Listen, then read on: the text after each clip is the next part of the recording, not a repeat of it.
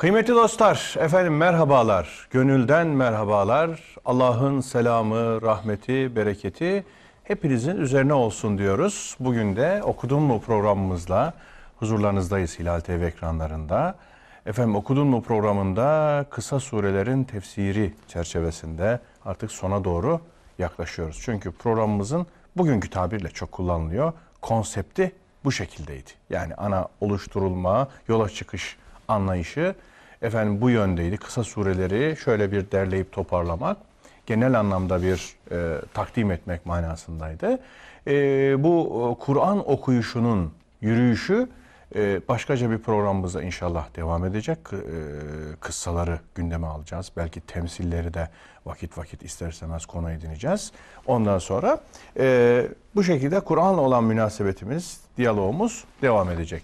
Bugün, bugünkü e, programımızda Profesör Doktor Mehmet Okuyan hocamla beraber İhlas suresini inşallah konuşacağız. Kelama, mevzu bahis etmeye e, çalışacağız e, efendim. Şimdi İhlas suresi hepimizin belki aşina olduğunu zannettiği, bildiğini zannettiği, ezbere tekrarladığı, bildiği ama içerisinde çok büyük zenginlikleri barındıran, efendim genişlikleri barındıran engin bir sure. Kısa fakat hakikaten çok yoğun. Efendim bununla ilgili e, bakalım Rabbimiz bize neler nasip edecek. Hocam hoş geldiniz. Safalar Allah razı olsun. Teşekkür ederim. Çok. Sıhhati, afiyette olmanızı temenni ediyoruz. Elhamdülillah. Allah razı olsun. Sağ olun hocam. Siz de iyisiniz. Hamdolsun hocam. Çok teşekkür ederim. Eksik olmayın. Bugün İhlas suresi inşallah. e, ben de doğrusu çok e, merak ediyorum gündeme gelecekleri. Şimdi hocam genel e, sunumu yine size bırakarak sure hakkında ön açıklamaları hani ona mukaddime diyorlar böyle basamak basamak bir yerlere doğru çıkmak efendim manasında içeriyor. E, ben bir mealini arz edeyim. Buyurun. Ondan sonra baş, başlayalım inşallah. Bismillahirrahmanirrahim. De ki o Allah'tır, tektir. Efendim Allah samettir, doğurmamış ve doğurulmamıştır. Onun dengi de. Evet yani dört ayet. Şimdi hocam bu e, doğrudan doğruya hakikaten şirki kesen, şirkin köküne kibrit suyu döken adeta bu kadar etkili, yoğunlaştırılmış bir sure. Ondan sonra resmi sıralamada 112 diye kitabınızda yazmışsınız. İniş sırasında 22. Mekke döneminin ilk yıllandığında indirilmiş bir sure. Evet. Neler söyleyeceğiz? İhlas suresi gerçekten e, harikulade bir sure. E, harikuladeliği şuradan kaynaklanıyor. Biz Kur'an-ı Kerim'in bütününün üç ana konudan oluştuğunu biliriz. Bunlardan biri tevhid, biri nübüvvet, biri de ahiret. Dolayısıyla e, bütün Kur'an bu üç konu etrafında e, dizayn edilmiştir. Bu sure için Peygamberimiz ve Hazreti Ali'den gelen bir rivayet üçte birine, Kur'an'ın üçte birine denk olduğu beyanı Tevhid, ile. nübüvvet, ahiret bazıları ibadeti de ilave ediyorlar değil mi? Yani nübüvvetin İbadet, içinde, adalet. tevhidin içinde onlar da var zaten. var zaten. Var zaten. Evet. Çok çerçeve kavram olarak üç taneyi zikredebiliriz. Ha başkası başka bir üç söyleyebilir yani. Benim Ama algım genel budur. böyle. Evet, genel olarak böyle. Tevhid, nübüvvet, ahiret. Evet. İşte bu bu sure işin tevhid kısmı ile alakalı bilgi veren bir suredir.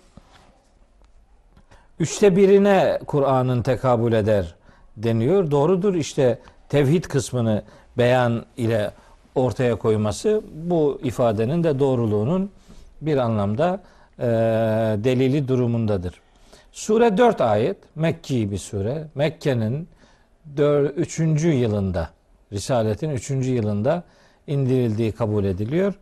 Felak ve Nas surelerinden sonra geldiğini e, söylüyor alimlerimiz. Gerçekten de e, öyle bir şey söyleyebiliriz. Çünkü Felak suresinde e, ve Nas surelerinde Yüce Allah insanoğluna özellikle peygamberimize sonra herkese e, nelerden sığınmamız gerektiğini ve kime sığınmamız gerektiğini beyan eder. Felak ve Nas surelerinde o sureleri Tabii. işlerken bunları ifade edeceğiz.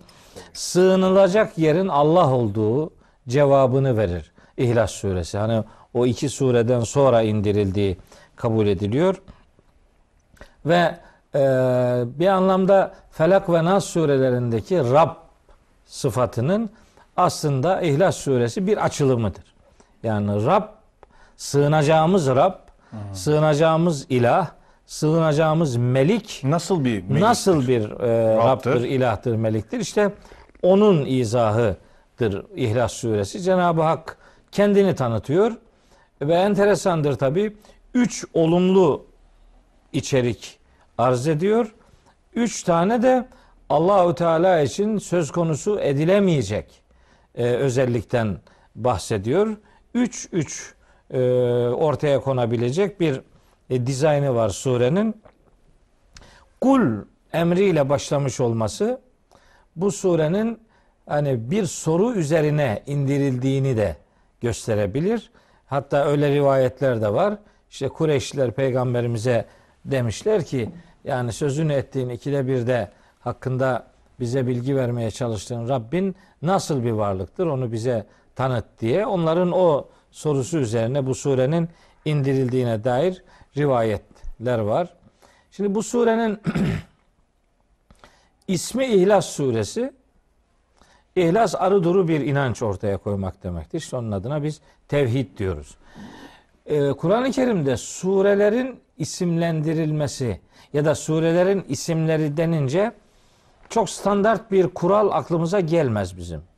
Yani e, öyle olur ki surenin başındaki bir kelime surenin ismi olarak belirlenmiş olur. Öyle olur ki surenin içindeki konu veya surede ele alınan bir peygamber kıssası veya çok enteresan sıra dışı bir kelime veya baştaki o kesik kesik okunan mukatta harfleri e, bunlar surelerin isimleri olarak belirlenmiştir. E, ama buraya kadar söylediklerimizin isimlendirmede söylediklerimizin hepsi surenin içinde yer alan kelimelerden yapılan seçimi e, ortaya koyar. Yani o kelimeler o surede vardır. Bir de birkaç sure var Kur'an-ı Kerim'de. Bu surelerin ismi surede geçen bir kelimeden esinlenilerek verilmemiştir. İşte bunlardan biri bu suredir. İhlas. İhlas suresi bu. Bu kelime burada yok bu surede. Evet. Ama bu mesela bazı sureler vardır. Birden çok isimleri vardır. Mesela bu sure onlardan biridir. Buna Tevhid suresi de denilir. Kul huvallahu suresi diyen de var. İhlas suresi diyen de var. Mesela e, Fatiha suresi. Fatiha suresinde Fatiha kelimesi geçmez. Evet. E, ama surenin adı olarak e, beyan edilir. Dolayısıyla surenin genel konusu bazen ismi olarak belirlenmiş olabilir. İşte bu İhlas suresi de Fatiha suresi de bu isimlendirmenin bir iki örneği durumundadır. E, bunu ifade ettikten sonra bu surenin Allah'ı tanıtan bir yapı arz ettiğini beyan edelim. Allahu Teala e, Mustafa hocamız bunun için Allahu Teala'nın kart vizitidir der bu sure için. Efendim enteresan e, yani Allahu Teala nasıl bir varlıktır diye soruyorsan al işte İhlas suresi bu Cenab-ı Hakk'ın nasıl bir varlık olduğunu ortaya koyar. Tabi bu surenin bu surenin Yasin suresinin Mülk suresinin eee biraz eee, şeyin Bakara 255. ayetin Bakara 285 286. ayetlerin eee, biraz Haşr suresi 22 23 24. ayetlerin e, faziletine dair Besmele'nin, Fatiha'nın faziletine dair işte bir takım şeyler vardır. Ee, övücü ifadeler vardır.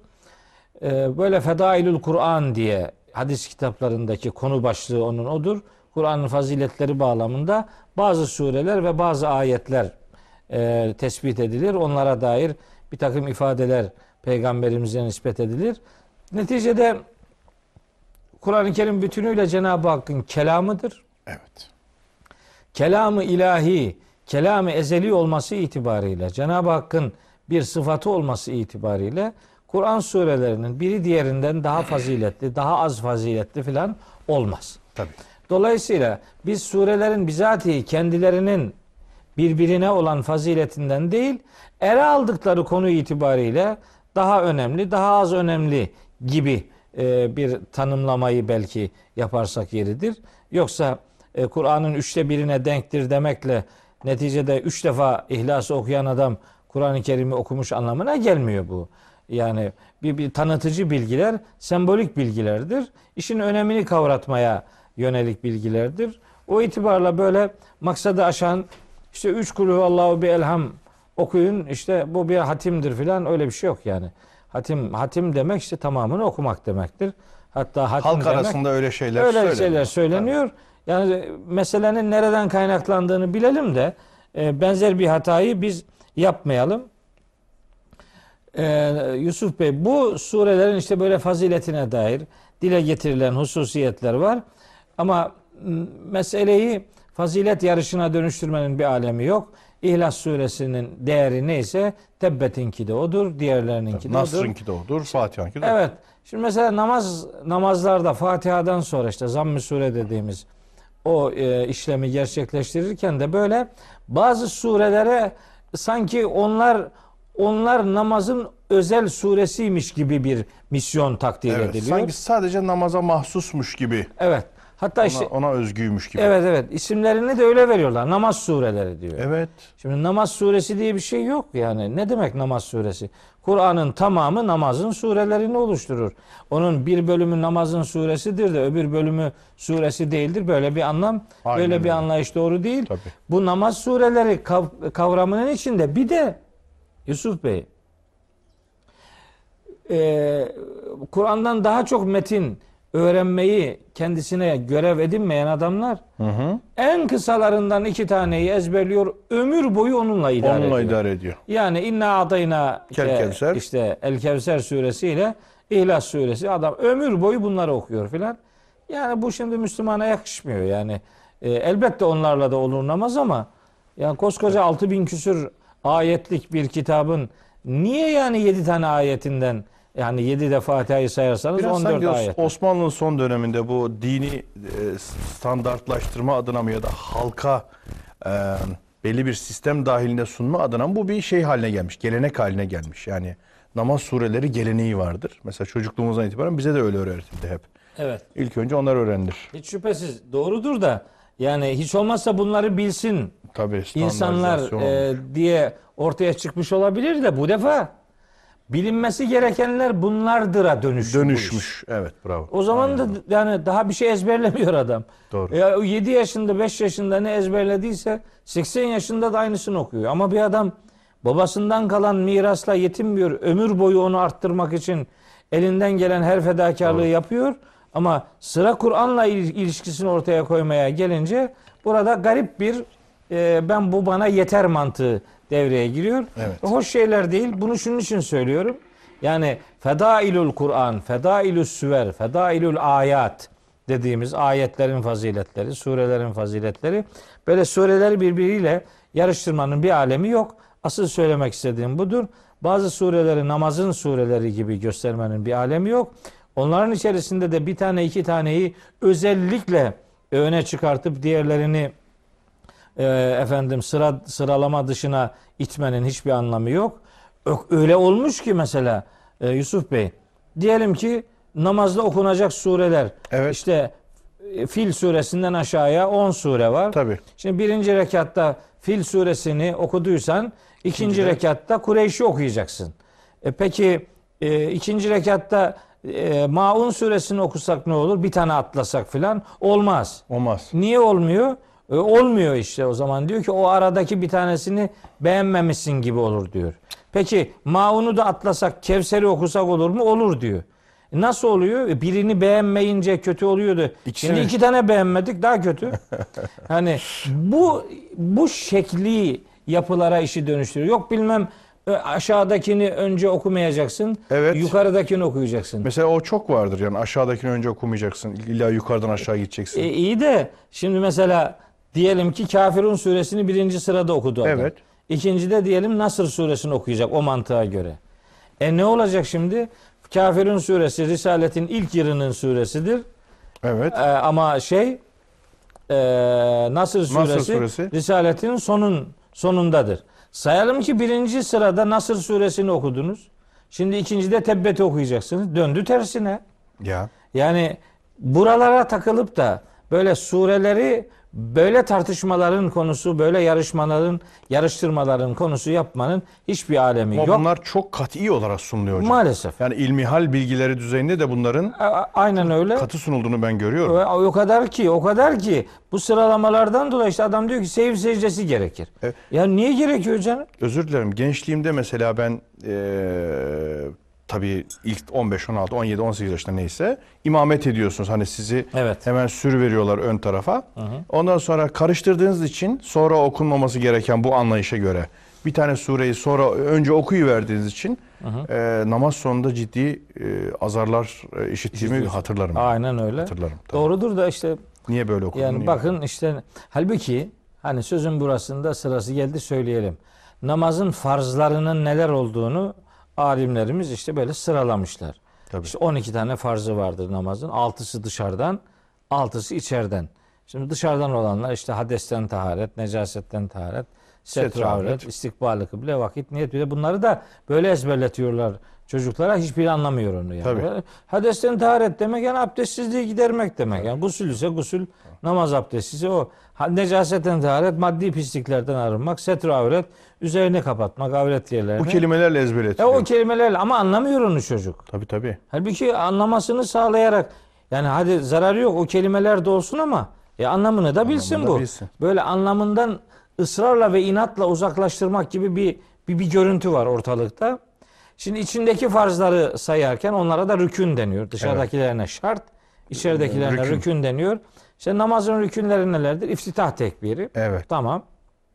Yani başlangıç, açılış tekbiri. Tabii. İki kıyam. Kıyam. Tamam ayakta durmak. Şimdi camilerde de enteresan bir görüntü var. Yusuf Bey camilerin arkaları böyle birkaç sıra sandalye. Sandalyeyle doludur. Böyle hani diyelim mazereti olan oturur ona diyecek bir şeyimiz yok da. Evet evet. Yani bu görüntü çok da hoş bir görüntü değil. Şimdi az bir az bir rahatsız olurum korkusunu taşıyan da hemen sandalyeye oturuyor. Evet. Ayağı ağrıyorsa, ayağını kıvıramıyorsa, ne bileyim başı dönüyorsa secdede bilmem ne. Hani Çok secdeye, özel. secdeye gidemeyecek durumdaysa ya da teşehhüdü gerçekleştiremeyecek durumdaysa tamam sandalyede otursun. Ama sandalyede oturuyor adam ayakta durmaya mani bir durum yok. Ayakta durmuyor gene oturuyor. Ya. Ya ama, ama ayakta duracaktın da bu yani ikinci farz bu. Tabii hani kıyam işte Hani kıyam kısmı de- var da hani secdeye sıkıntı var ama kıyamda bir sıkıntın yok. Ayakta dursana yok oturuyor rahat rahat. Ya. Yani işte böyle görüntüye hapsolunca e, işin ruhu elden Kaçıyor. gidiyor. Ondan sonra çok çok sıradan sıradanlaşmış bir ritüel geriye kalıyor. Buraya şunun için geldim. İşte üçüncü farzı namazın kıraattir. Evet. Çok enteresan. Kıraat e, Kur'an-ı Kerim'in okunmasıyla alakalı üç tane kavram biz biliyoruz. Bunlardan biri tilavet, biri kıraat, Bu bir kıraat, biri tertil. tertil. Üç tane kavramımız var. Bu kavramlardan ne kıraat ne tertil bugünkü Müslümanların gündeminde yok. Üzgünüm ama yok. Yok. Bir tilavet var. O tilavetin de üç anlamından bir tanesi kör topal gidiyor. Evet. O tilavetin de iki anlamı da yok. Yani tekrarlamak, aktarmak kısmı. Var, Var. sadece. Tilavetin üç anlamını hatırlatalım hocam. Hatırlatalım. İşte tekrarlamak, aktarmak bir anlamı bu. İkincisi merkeze almak, gündem yapmak. Hmm. Üçüncüsü peşinden gitmek, izini sürmek, takip etmek Hmm. demektir. Yani Kur'an'ı tilavet etmek demek, Kur'an'ın dediğini yapmak demektir. Evet. Kur'an'ı tilavet etmek demek, Kur'an'ı hayatın merkezine almak demektir. Evet. Gündemin ana konusu yapmak demektir. Sadece bir, bir tane anlam var. Tekrarlamak. tekrarlamak onunla idare ediyoruz. Ama oysa kıraat, Kur'an'ın ilk emri kıraattır. Kıraat aklın devrede olduğu okuma biçimidir. Zihnin faaliyete geçtiği bir okuma biçimidir ve namazın şartlarının, farzlarının ne olduğunu sayan alimlerimiz de üçüncü sıraya kıraat demişler. Bakın tilavet dememişler. Tabii. Oysa biz kıraatten çıkarttık işi tilavetin de üçte birine indirgedik. Evet. Bir de ya yanlış yanlış şeyler okur haldeyiz. Böyle tanınmaz bir görüntü e, devreye girdi. Bir de hocam bahis açıldı. Söz sizi de biraz dinlendireyim. Çayınızdan bir yudum alın. Şimdi mesela kıraat, tertil, tilavetin zaman zaman da hani çok önemli olmasına rağmen ben e, müthiş abartıldığını ve tecvide e, inhisar ettirildiğini de görüyorum. Tabi tertil tecvide indi. indi. Yani tertil üzere okumak hakikaten o aynı çatlatmalar, ondan sonra işte ha'ları, hı'ları basmalar, çıkarmalar. Bunlarda o kadar mübalağalar var ki çocuklara da Kur'an öğretilirken uzun süre işte o ba harfinin mesela çıkarılması. Geçenlerde uzun süre hafızlık eğitimi almış bir kardeşimle görüştüm. Evet. Hafızlığa da ne hatırlıyorsun dedim. Şimdi pek dinle diyanet alakası kalmamış bir arkadaşım. Onu ben de bir şeyler söylemeye çalışıyorum. Evet hafız olmuş ama muhafız olamamış. Muhafız olamamış. İşte bana anlattığı hafızlıktan kareleri mesela ba harfini o Bismillah'ı çıkarırken hani biliyorsunuz bir özel bir onun tecvidde çıkarılışı vardır. Hocasının bir buçuk ay onu dönüp dönüp anlattığını söylüyor. Peki Bismillah'ın manası üzerine hiçbir şey yok. Yok. Kur'an'ın hakikaten anlaşılması, tefekkür üzerine bir şey yok. Buradan şu çıkmamalı herhalde. Siz de takdir edersiniz. Tecvid olmasın demiyorum. Kur'an rastgele okunsun demiyorum. Hayır, asla, Ama asla. tertil gidip de, kıraat gidip de, tilavet gidip de iş sadece tecvide dönüşürse bu da dini eğitim dedikleri şey neyse tartışılmalı. Onun ciddi handikaplarından biridir. Aynen öyle. Çok haklısınız. Hatta bakın mesela Müzzemmil suresinin dördüncü ayetinde geceleyin ilk 1, 2, 3 ve dördüncü ayetin hepsinde bir, bir Müslümanın geceleyin en az üç defa kalkmasının gerektiğinden söz edilir. Evet. Ve kalkınca da yapması gerekenin Kur'an'ı tertil üzere okuması olduğunu Kur'an açık açık beyan eder. Orada sözü edilen tertille bugün kıraat ilminde dediğimiz yani aslında o kıraat ilmi de yanlış. Evet. Onun adı tilavet ilmi olması lazım. Kıraat ilmi kelimesi, kıraat anlamla uğraşan eylemin adıdır yani. Tilavettir metinle uğraşan. İlmi, tilavet tilavet. dilin okumasıdır. Kıraat aklın okumasıdır. Tertil gönlün, yüreğin okumasıdır diye Ya. böyle e, ayrımlar yapıyoruz. Yani tertil üzere Kur'an okumak işte onu ben biraz sembolleştirerek ifade ediyorum. Diyorum ki biraz sloganlaştırarak tertil üzere okumak demek e, hücrelerine yedire yedire Kur'anlaşarak Kur'an okumak demektir. Hayata Kur'an'ın bak dediği yerden bakarak Kur'an gibi olmayı hedeflediğin bir okuma biçimidir tertil. Ama bizim e, bu tecvid ilmiyle ilişkilendirildiğinde tertil işte harfleri tane tane okumak, Mahrecinden çıkarmak. mahrecini hu- efendim meharici hurufa dikkat ederek okumaktır vesaire. Tabii ki onlar da önemlidir. Elbette hiç hafife alacak tarafımız yok ama mesele ondan ibaret değildir. Daha ötesine geçip biraz daha hakikatiyle buluşmaya gayret etmek işin en doğrusudur. İşte soruyorlar her rekatta aynı yeri okusak olur mu? Tabii olur da yani niye her rekatta aynı yeri okuyorsun da başka bir yer okumuyorsun? Çünkü bilmiyorsun yani. Bence daha iyisi anlamını bildiğimiz yerleri okumaktır. Böylece namazla e, teşriki mesaimiz biraz daha anlamlı olur, biraz daha kolay olur. Daha ne yaptığımızı bilen bir duruşumuz ve tutumumuz olur. İşte surenin fazileti başlangıcıyla girdik. İşte biraz farklı bir mecraya sürüklenmiş Güzel oldu olduk. ama. Yani İhlas Suresinin zımnında bunlar bence var. Evet. Söylenmeliydi de. O bakımdan teşekkür ediyorum. Şimdi hocam e, birinci bölümü bitirmeden evvel bir başlangıç yapalım arzu ediyorum. Birinci ve ikinci ayetlere. E, Kul huvallahu ahad, Allahu samet. Şimdi burada kul ile başlamasının sebebi hikmeti üzerine bazı e, beyanlarınız oldu. E, huvallahu ahad. Evet. Orayı çok e, önemseyerek üzerinde duralım. Bir defa sözün en başında huvallahu ahad ifadesinin şöyle tercümeleri yapılıyor.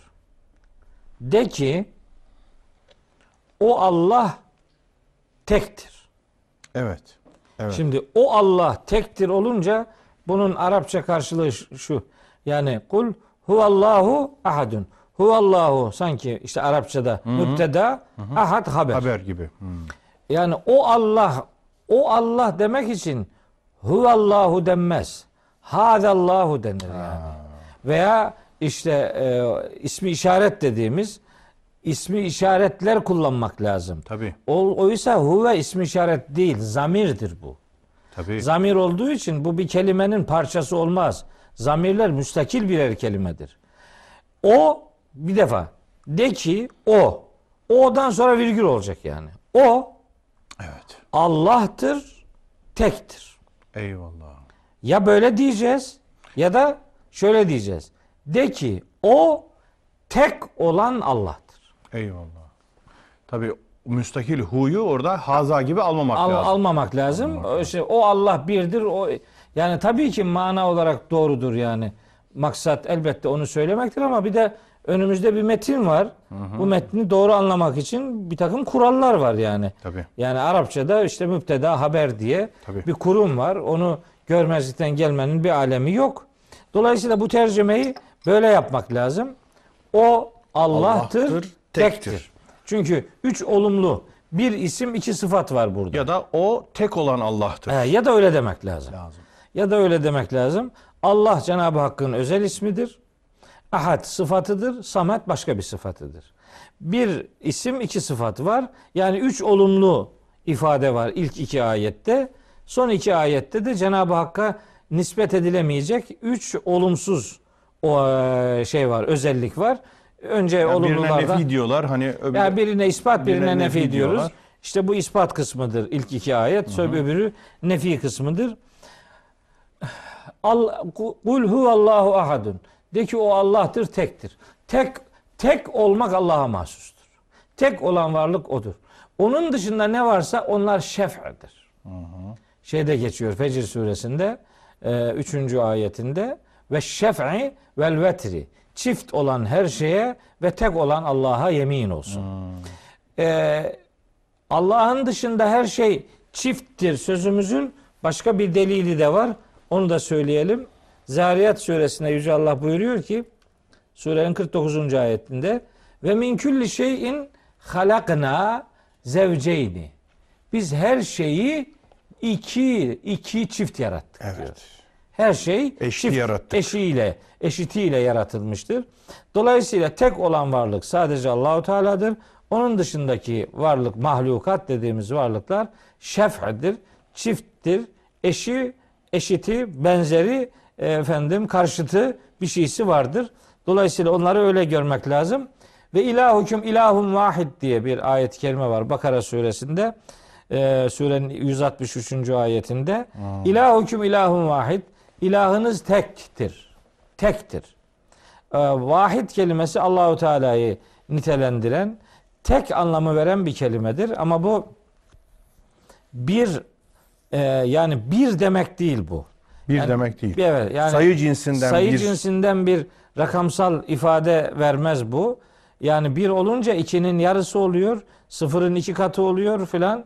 Ee, öyle bir e, tabii. sıfırın iki katı demeyelim de yarımın iki katı oluyor. Evet. Yani öyle bir rakamlara mağlup etmemek lazım. Allahu Teala'nın sıfatıdır. Ee, tek ilah Allah'tır. Bu teklik mahlukatın birliği ile karıştırılmayacak. Kendine özel mahiyeti sadece Allah tarafından bilinen, başkaları tarafından başka bir şekilde e, tav- tavsif edilemeyecek, nitelendirilemeyecek bir mahiyeti ortaya koyar. Rabbimizin tekliğini, eşsizliğini beyan eden bir e, ayettir. Bu İhlas suresinin ilk ayeti. Tabi Kur'an-ı Kerim'de Cenab-ı Hakk'ı bu anlamda anlatan Allahu Teala'nın ne olduğunu ve ne olmadığını beyan eden çok çok gerçekten çok çaplı ayetleri var. İşte mesela Bakara 255. ayet ayetel kürsi olarak bilinir. Mahza bir Cenab-ı Hak tanımlaması verir. Ali İmran suresinin 27-28. ayetler olması lazım.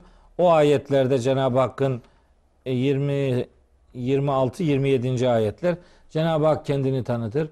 E, Haşr suresi 22 23 24'te kendisini tanıtır. Nur suresinin 35. ayetinde kendisini tanıtır. Yani Cenab-ı Hakk'ın kendisini tanıttığı mahza onun hakkında bilgi veren pek çok ayet vardır. Tabi hepsini burada e, ele almak, hepsini hepsi hakkında bir şeyler söylemek programın e, formatına, sınırlarına e, sıkışmayacak kadar geniş bir alan. Bu kadarını söyleyelim birinci ayetle ilgili. İkinci ayet de Allahu Teala'nın samet oluşuyla alakalıdır. O da Cenab-ı Hakk'ın eşsizliğini, benzersizliğini. Hocam oraya hemen geçeceğiz. Ee, bir soruyla e, bir ara vermemiz icap ediyor. Ee, o Samet kısmına ikinci kısımda daha yoğun, Peki. yoğunlaşalım. Bölünmesin diye düşünüyorum. Çünkü işaret geldi bir yandan da.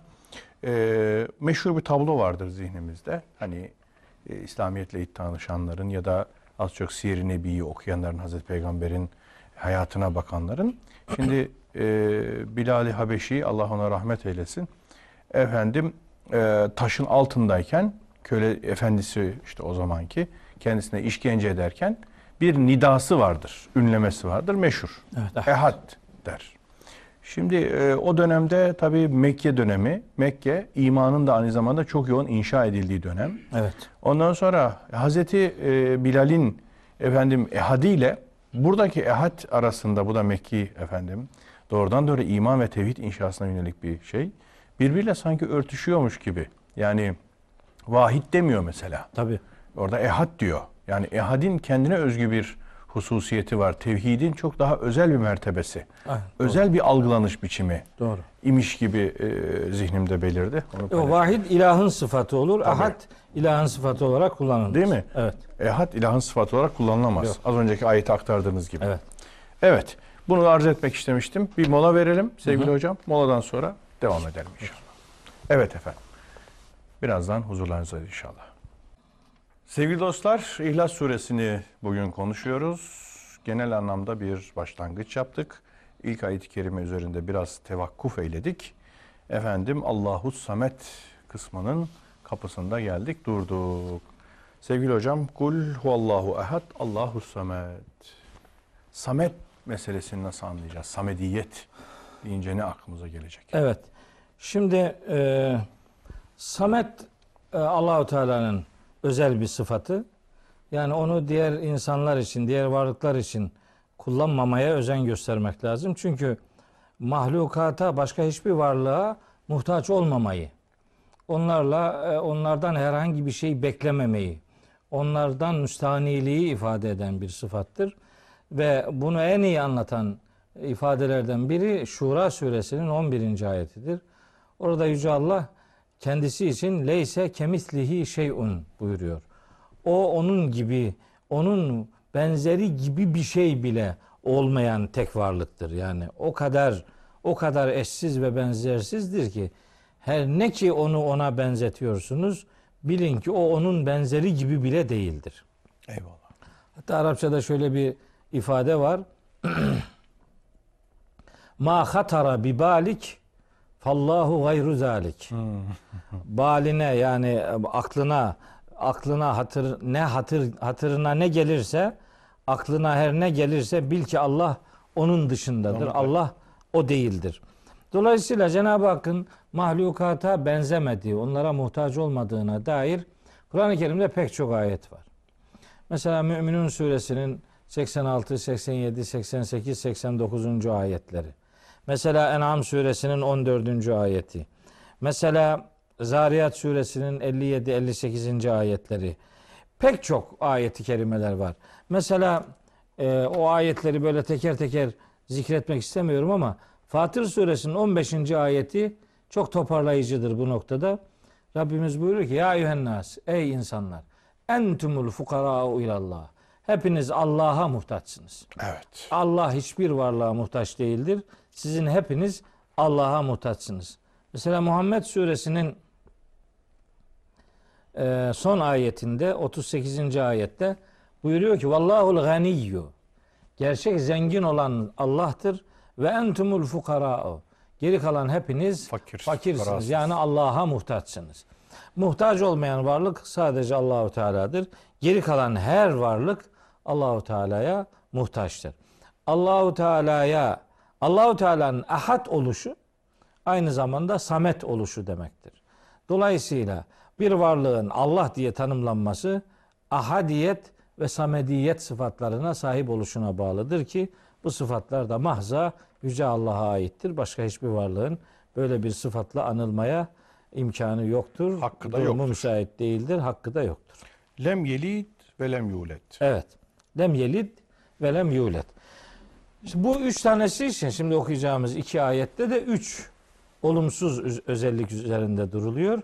Üçüncü ayette iki tane veriliyor. Onlardan biri lem yelid doğurtmamıştır Allahu Teala. Ve lem yulet ve doğurulmamıştır da. Doğurtmamıştır. Yani Allahu Teala hiçbir insanın biyolojik olarak doğmasının nedeni değildir. Yani hiç yani Allah hiç kimsenin babası değildir demektir bu. Lem yelid o demek. Allah baba olmamıştır. Ee, doğurmamıştır tercümesi değil de doğurtmamıştır tercümesi biraz daha şey Doğru. daha oturacak, isabetli. daha oturaklı olur. Çünkü Doğmasına sebep biyolojik anlamda olmamıştır. olmamıştır. Ee, hani buradan maksat da bir baba babalık nefyidir yani. Çünkü hem bazı Yahudiler Bilhassa Ee, Hristiyanlar. evet Hazreti Üzeyr'in Allah'ın oğlu olduğunu söyleyenler böylece Allah'a babalık isnadında bulunurlar. Bazı Hristiyanlar işte Hazreti İsa'yı Allah'ın oğlu sayarlar. Gene orada Allah'a bir babalık isnadında bulunurlar. Bunların e, şiddetle reddediyor Allahu Teala Kur'an-ı Kerim'de. Ama Allahu Teala'ya mesela bir annelik nispeti pek yoktur. Öyle olsaydı zaten lem telit derdi. Lem yelit demesi bu babalık isnadını reddetmeyi hedef edinmektedir. Bu bu haliyle e, yüce Allah baba hiçbir varlığın babası olmadığını beyan ederek bir taraftan Yahudilere, bir taraftan Hristiyanlara, bir taraftan da melekleri Allah'ın kızları sanan Mekke müşriklerine ve bütün zamanların Allah'a çocuk isnat eden anlayışlarına bu anlamda meydan okuyor, onları reddediyor. Mesela En'am suresinin 99 veya 100. ayetlerinde buyuruyor ki Yüce Allah ve cealu lillahi şureka el cinne 100. ayeti. Bu Mekkeli müşrikler cin ortaklar et- ettiler Allahu Teala'ya. Ve halakahum ve Allah onları yaratmış.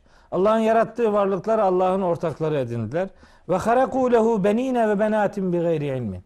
Bilgisizce Allah'a erkek çocuklar ve kız çocuklar isnat ettiler. Subhanehu ve Teala amma yasifun. Allah onların nitelendirmekte olduğu şeylerden münezzehtir ve yücedir. Bedi'us semavati vel ard. Allah göklerin ve yerin yoktan var edicisidir. Enna yekunu lehu veledun.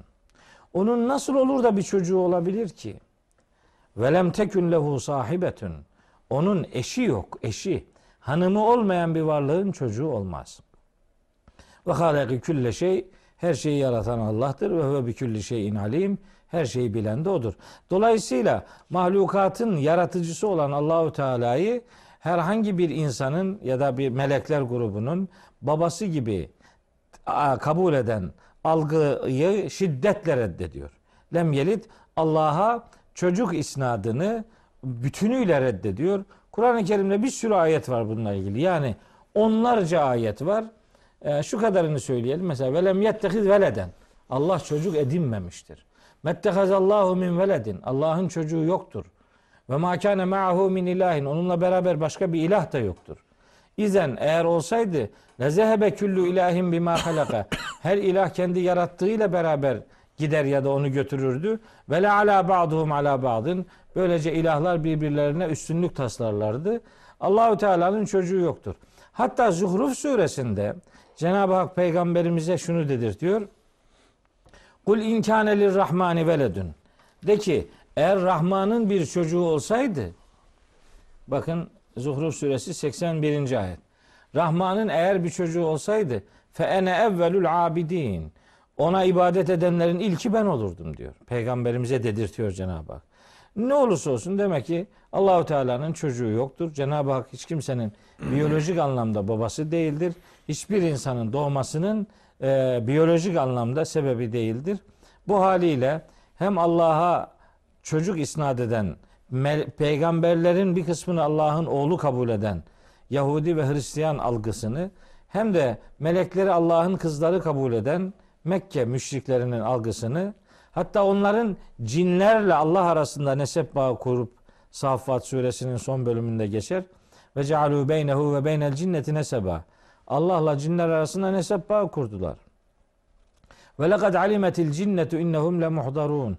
Halbuki cinler de bilirler ki hepsi hesaba çekilecekler yani.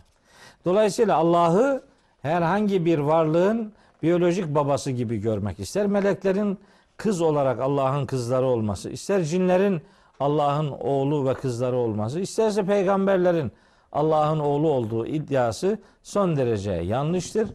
İhlas suresinin 3. ayeti bu algıyı bütün zamanların bu tür algısını reddetmek üzere ortaya konulmuş bir mesaj içeriğine sahiptir. Hiç kimsenin doğmasının sebebi olmamıştır. Velem yulet zaten hiç kimse tarafından da doğrulmuş değildir.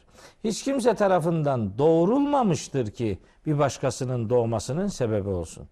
Dolayısıyla kim ki Allah'a böyle e, sıfatlar e, veriyorsa bilsin ki o sıfatlar Allah'a uygun değildir. Cenab-ı Hak o tür sıfatlarla anılmaya layık değildir. Anılmaya müsait değildir. Onun böyle bir babalık, e, evlatlık ilişkisiyle anılması Kur'ani hakikatlerle taban tabana zıttır. Meryem suresinde buyuruyor. Ve galu tehazar rahmanu veleda. Rahman'ın çocuk edindiğini söylediler. Lekad ci'tüm şeyen iddia. Ne kadar kötü bir iddia ortaya koydunuz. Tekadüs semavatü yetefattarne minhu ve tenşakkul ardu ve tehirrul cibalu hedda. Bu iddianın sebebiyle neredeyse gök yarılacak, yer parçalanacak, dağlar yok olup gidecek yani. En deavlir rahmani veleda. Rahmana çocuk isnadınızdan dolayı, isnatlarından dolayı ve ma yenbegilir rahmane en yettehize veleda. Rahman'ın hiçbir şekilde, hiçbir surette hiçbir çocuğu olmamıştır. Allah çocukla anılmaya müsait bir varlık değildir. Bu ayetlerin, bu ayetin yani İhlas suresinin 3. ayetinin verdiği mesaj bu tür algıları, bu tür kabulleri reddeden bir mesajdır. Surenin 4. ayeti de yine bunların devamı olarak Velem yekun lehu kufuven ahad. ve lem yekun lehu küfuven ahadun. Bütün bunlar Allah için doğru değildir. Niçin? Çünkü Allah'ın kendisine denk olabilecek hiçbir varlık yoktur. Gene ehadle, ehadünle bitiyor. Evet ehadüne bitiyor. Olumsuz 50 küsür yerde gelir bu ahad kelimesi. Olumsuz içerikte hiç kimse demektir. Hiçbir varlık Allahu Teala'nın dengi değildir. Zaten işte bu ifade Şura suresinin 11. ayetinde beyan edilen leyse kemislihi şeyun cümlesinin de bir başka ifade biçimidir. Dolayısıyla İhlas suresi bizim için Allahu Teala'yı tanıtan, onun üç olumlu özelliğini ve ona layık olmayan, ona yakıştırılamayacak üç e, ek- eksik ve olumsuz niteliği ortaya koyan sığınılacak varlık olarak Rabbin nasıl bir varlıktır sorusunun cevabının yer aldığı muhteva olarak da tevhidi ortaya koyması bakımından Kur'an'ın üçte birine denk kabul edilebilen Cenab-ı Hakk'ı tanıtan muhteşem dört küçük ayetlik ama mesajı e, ciltlerle ve saatlerce konuşmaya müsait bir hakikat denizidir. Böyle kısaca özetlemiş olalım. Eyvallah hocam. Çok e, güzel bir özet oldu. Ben teşekkür ediyorum. E, bir cümleyle efendim iştirak edip kapatalım diye arzu ediyorum. Şimdi o doğurtmamıştır. Hani lem yelit meselesinde. Evet. Biliyorsunuz İsrailoğulların en büyük iddialarından biri kendilerinin Allah'ın seçtiği imtiyazlı kavim olduğunu iddia etmeleriydi. Evet. Ondan sonra ben bunun bu zihniyetin, bu anlayışın değişik şekillere bürünerek, değişik kıvamlarda, değişik renklerde modern dünyada da göründüğünü düşünüyorum. Mesela kendisini e, Allah'ın imtiyazlı topluluğu sayan ondan sonra sanki adeta Allah'ın oğluymuş gibi hani oradaki evladıymış gibi onun özel muamelesine mazhar ondan sonra kişi, kurum, topluluk ve kavim iddiaları hala cari. Maalesef. Yani e, kendilerinin doğrudan doğruya seçilmişliğini adeta bu konuda vazifelendirilmişliğini, görevlendirilmişliğini zımnen söyleyen e, şahıs böyle patolojik anlamda tabii hastalıklı anlamda yoksa o tecdit, e, müceddit filan anlamında söylemiyorum. Onlar ayrı meseleler. Ondan sonra e, bunlar hala gözüküyor Doğru. gözüküyor. Buralardan da yine asabiyetler çıkıyor, milliyetçilikler çıkıyor. İşte ne bileyim ben megalomanlıklar çıkıyor, hastalıklar çıkıyor. Bunları görüyoruz. Mesela Hristiyanlar, Hristiyan dünyadaki birçok din kaynaklı efendim tedhiş hareketlerinin, dehşet hareketlerinin altında bu tür insanlar var. Çıkıyor birisi diyor ki işte diyor o yedi büyük günahı diyor durduracak ya da kıyameti başlatacak olan kişi benim seçildim falan diyor. Adam hasta psikolojik anlamda rahatsız yani. Yani bunun kavim bazında, topluluk bazında, kurumsal bazda neyse örnekleriyle karşılaşmak mümkün. Devam ediyor. Doğru haklısınız. Evet. Lem yelit ve lem yuledi. Modern dünyanın bütün bu hastalıklı fikirlerine karşı da, tavırlarına karşı da okumamız gerekiyor Evet, doğru. diye düşünüyorum. Çok teşekkür ederim. Sağ olun. sağ Eksik olun. olmayın hocam. Teşekkür Allah ederim. razı olsun. Aziz dostlar, bugün de programımızın nihayetine ulaştık. Sizlerden müsaade isteyeceğiz. efendim. Hepinizi Allah'a emanet ediyoruz. Hakikatle baş başa kalalım diyoruz efendim.